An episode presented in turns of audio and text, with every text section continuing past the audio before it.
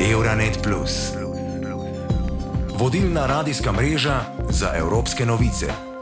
Zaskrbljujoče je slišati, da se Slovenija, glede na zadnje poročilo medvladnega panela za podnebne spremembe, segreva dvakrat hitreje od svetovnega poprečja. Medtem pa so rezultati evropske raziskave Climate of Change pokazali, da je Slovenija trenutno država z najslabšo podnebno politiko v Evropski uniji. Mladi v prihodnost zrejo z veliko skrbjo in odgovornostjo, k čemur pozivajo tudi odločevalce, ki po njihovem mnenju k tej problematiki pristopajo premalo resno. Glede na rezultate največje znanstvene študije o anksioznosti zaradi podnebja pri otrocih in mladostnikih objavljene septembra lani, skoraj polovica anketiranih mladih po vsem svetu poroča, da anksioznost povezana s podnebjem vpliva na njihovo vsakdanje življenje in delovanje. Tudi evropska raziskava Climate of Change je pokazala, da so poleg onesnaževanja okolja in revščine za mlade v Sloveniji med 15 in 35 letom podnebne spremembe največja težava, s katero se trenutno spoprijema svet. A takšnih, ki so zelo ali izjemno zaskrbljeni zaradi podnebnih sprememb, je 36 odstotkov, kar je 10 odstotkov manj od povprečja v 23 evropskih državah. Mladi za podnebno pravičnost, ki ga po večini sestavljajo dijaki in študenti, so eno od gibanj, ki slovensko javnost in odločevalce nagovarjajo na temo boja proti podnebnim spremembam. Predstavnica Katrin Žnidarčič pove, da si v osnovi prizadevajo za pravičnejšo družbo, tako v smislu podnebja, okolja, kot tudi na socialnem področju. Želimo si, da bi bila skrb za naravo nekaj samoumevnega, da prihodnost posameznika ne bi bila pod vprašanjem. Govorimo o prihodnosti, ki se tiče mene, vas, nas in vseh prihodnih generacij. In tisto, kar nas najbolj jezi, je prav to, da se z našo prihodnostjo igrajo predvsem starejši akterji, odločitve katerih bodo imele katastrofalne posledice. A na nje pač ne bodo vplivali. Naša največja skrb je to, da prihodnosti sploh ne bomo imeli. In veliko krat okoljski aktivisti po svetu uporabljajo stavek: Ni planeta B, čimer želimo opozoriti prav na dejstvo, da se ta trenutek sprejemajo zelo pomembne odločitve za prihodnost našega planeta. V Sloveniji mladi nimajo enega predstavnika, ki bi javnost in odločevalce nagovarjal v njihovem imenu, kot je to recimo švedska aktivistka Greta Thunberg. Raje nastopajo skupaj, saj je njihovo sporočilo tako močnejše. Pri predstavljanju svojih stališč, tako zahtev kot rešitev, v luči prizadevanj za blaženje podnebnih sprememb, Katrin povdari, da se odločevalci pogosto obračajo na nje za vprašanje o ukrepih in politikah. Imamo splošne zahteve, ki jih bomo najverjetneje posodobili, sicer pa se trudimo vedno ko javno kritiziramo določene odločitve, najti rešitve za sprejete napake. Žal, nikoli niso uslišane, redko sploh prejmemo odziv na poslano. Edini premiki so morda neki bežni poskusi debatiranja z nami strani odločevalcev, a gre vseeno za znak, da smo tudi mi pomemben akter v naši družbi. S kolegi iz tujine smo sicer v navezi, smo na tekočem s tem, kar se dogaja v internacionalnem delu gibanja Fridays for Future. Zagotovo imamo skupne točke, saj so nekateri aspekti podnebnega boja neodvisni od lokacije, imamo pa tudi zahteve specifične dogajanju in problematikam v Sloveniji. Slovenskim mladim podnebnim aktivistom se zdi zakonodaja, ki se piše, premalo ambiciozna. Zahteve mladih za podnebno pravičnost si lahko preberemo tudi na njihovi spletni strani. Med drugim zahtevajo vključitev celostne družboslovne, humanistične in naravoslovne obravnave okoljskih tematik, učne načrte na vseh ravneh izobraževanja ter v prihajajočo belo knjigo o vzgoji in izobraževanju. Ob tem se zavedajo, da je pri naslavljanju podnebnih sprememb nujno, da celotna družba dela korake k spremembi načina življenja. Še posebej izpostavljajo okolju prijazen prevoz, hrano rastlinskega izvora in varčevanje z energijo. Na vprašanje, kako so mladi za podnebno pravičnost zadovoljni z aktivnostjo mladih na tem področju pri nas, pa Katrin Žnidarčič odgovarja. Aktivnosti in sodelovanje je precej okrnil COVID, zato verjamem, da je marsikomu samo preživetje v teh časih onemogočilo aktivno sodelovanje v družbi, ker so bile prioritete drugačne. Bi pa si sedaj, ko se stvari počasi vračajo v neko normalnost, seveda želeli, da bi se nam pridružilo še več aktivnih oseb, ki si želijo sodelovati v okoljskem boju. Potrebujemo čisto vsako osebo, ki ji ni vseeno. Zadnja večja javna akcija, v kateri so mladi pri nas opozorili na podnebno krizo in potrebne spremembe, je bil globalni dan podnebnih protestov septembra lani, pri čemer so protestirali v vsaj petih mestih po vsej Sloveniji. Naslednjo vse slovensko akcijo so mladi za podnebno pravičnost sklicali za 25. marca, med drugim v Ljubljani, Mariboru in Kopru.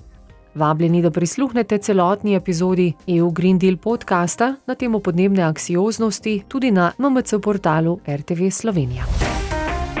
Euronet Plus. Vodilna radijska mreža za evropske novice. Pa prisluhnimo, kako k tematiki anksioznosti mladih, povezani s podnebnimi spremembami, pristopajo drugot po Evropi in svetu, zlasti v strokovnih krogih.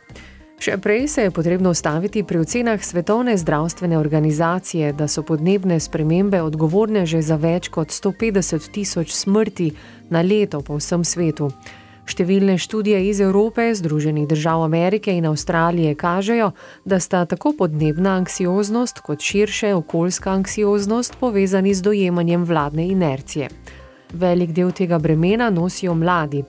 Ogrožena je njihova prihodnost, vendar imajo malo moči, da bi vplivali na vzroke podnebnih sprememb in zato omejili njihove škodljive učinke. Ker bodo morali vse življenje živeti tako rekoč v podnebnem oblaku, so še posebej ranljivi za razvoj težav z duševnim zdravjem. Italijanski radio Ventiquatro je za upogled v pojav to vrstne anksioznosti poprašal Simono Saki, profesorico socialne psihologije na Univerzi Bicocca v Milanu. Eh, Anksioznost je prilagodljiv odziv organizmov na potencijalne grožnje v njihovem okolju, omogoča soočenje z nevarnostmi in grožnjami, iskanje novih informacij in rešitev. Zaskrbljen odziv na podnebno krizo je pravzaprav prilagodljiv odziv. V prejšnjih desetletjih smo imeli nasprotno težavo, podnebne spremembe nismo dojemali kot grožnjo. Jasno je, da podnebna anksioznost postane problem, ko preseže določeno raven in postane neprilagodljiva. Zlasti podnebna anksioznost lahko prizadene nekatere posameznike s poudarkom na obstoječih psiholoških težavah vendar pa podnebne anksioznosti ne bi smeli obravnavati kot posameznika, če jo gledamo v kontekstu mlajših generacij, je očitno družbeni pojav, ki vključuje interakcijo med posameznikom in njegovim okoljem.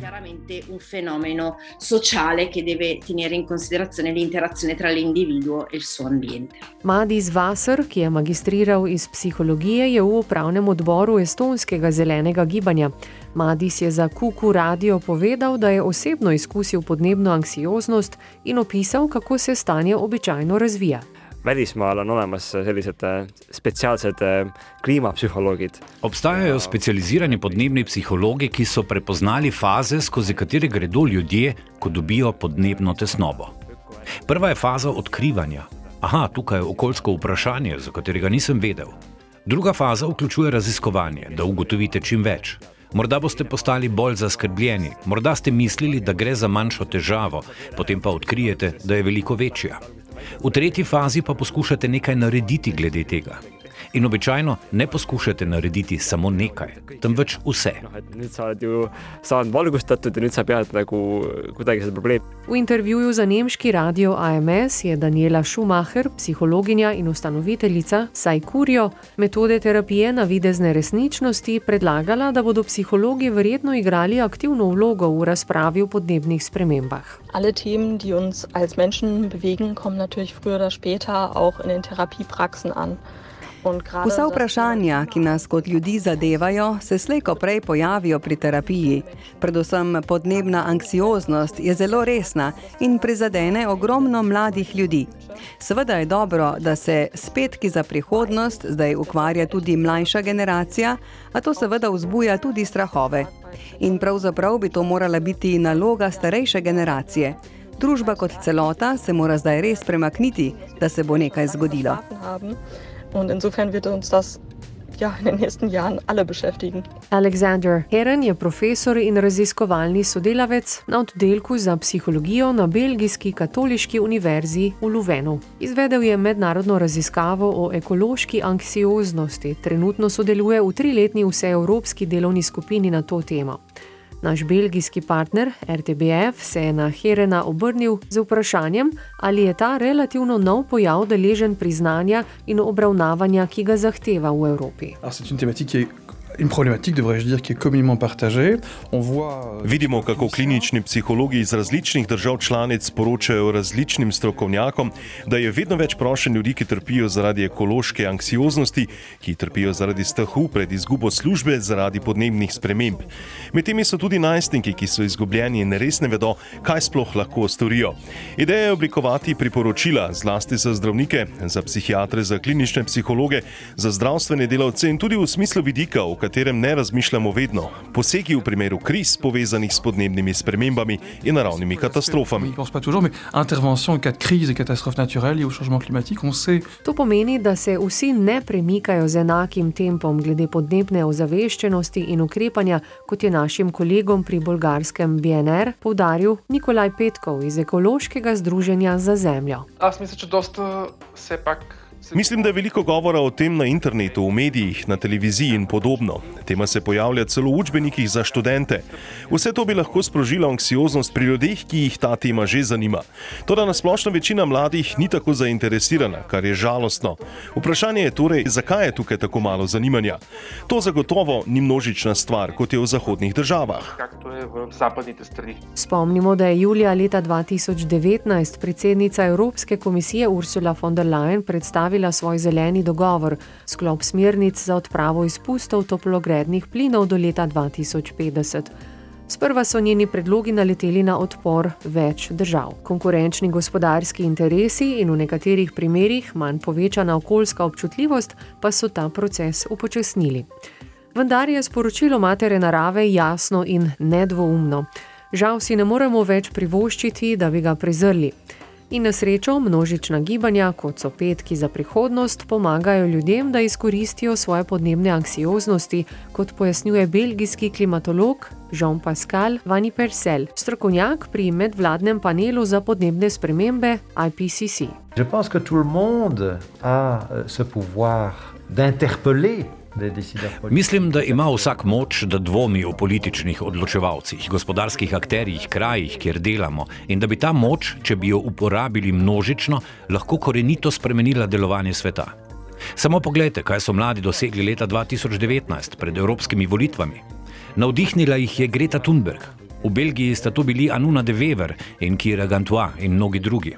Ti mladi so začeli gibanje, v katerem je sodelovalo več sto tisoč mladih po vsem svetu, kar je imelo izjemen vpliv na evropski ravni. Konkretno ukrepanje je več kot očitno, najboljši odziv na podnebno anksioznost in mnogi državljani zdaj aktivno sprejemajo okolju prijaznejši način življenja. Vendar pa po mnenju psihologov lahko podnebna anksioznost povzroči, da se nekateri ljudje mučijo tudi pri vsakodnevnih opravilih. Če se po pomoč obrnemo na družino, prijatelje, učitelje in strokovnjake, lahko ljudem pomagamo obvladati svojo anksioznost. Okoljska psihologinja Dovile Šurite je v intervjuju za litovski Zinju Radijas predlagala še en zelo preprost mehanizem obvladovanja. Všeč mi je priporočilo ameriškega psihološkega združenja, kako premagati podnebno anksioznost. Svetujejo iskanje dobrih novic. Naprimer, naročite se na dobre novice povezane s podnebnimi spremembami. Ker obstajajo dobre novice, ki pa se lahko izgubijo v toku negativnih informacij. Pomagate si lahko sami in pomembno je, da ne sedite križem rok, ampak nekaj naredite, komunicirate in delujete. Pomembno je torej, da ne ustvarjamo panike. Vsi smo v tem skupaj in skupaj lahko najdemo izhod. Euronet Plus za boljše razumevanje Evrope.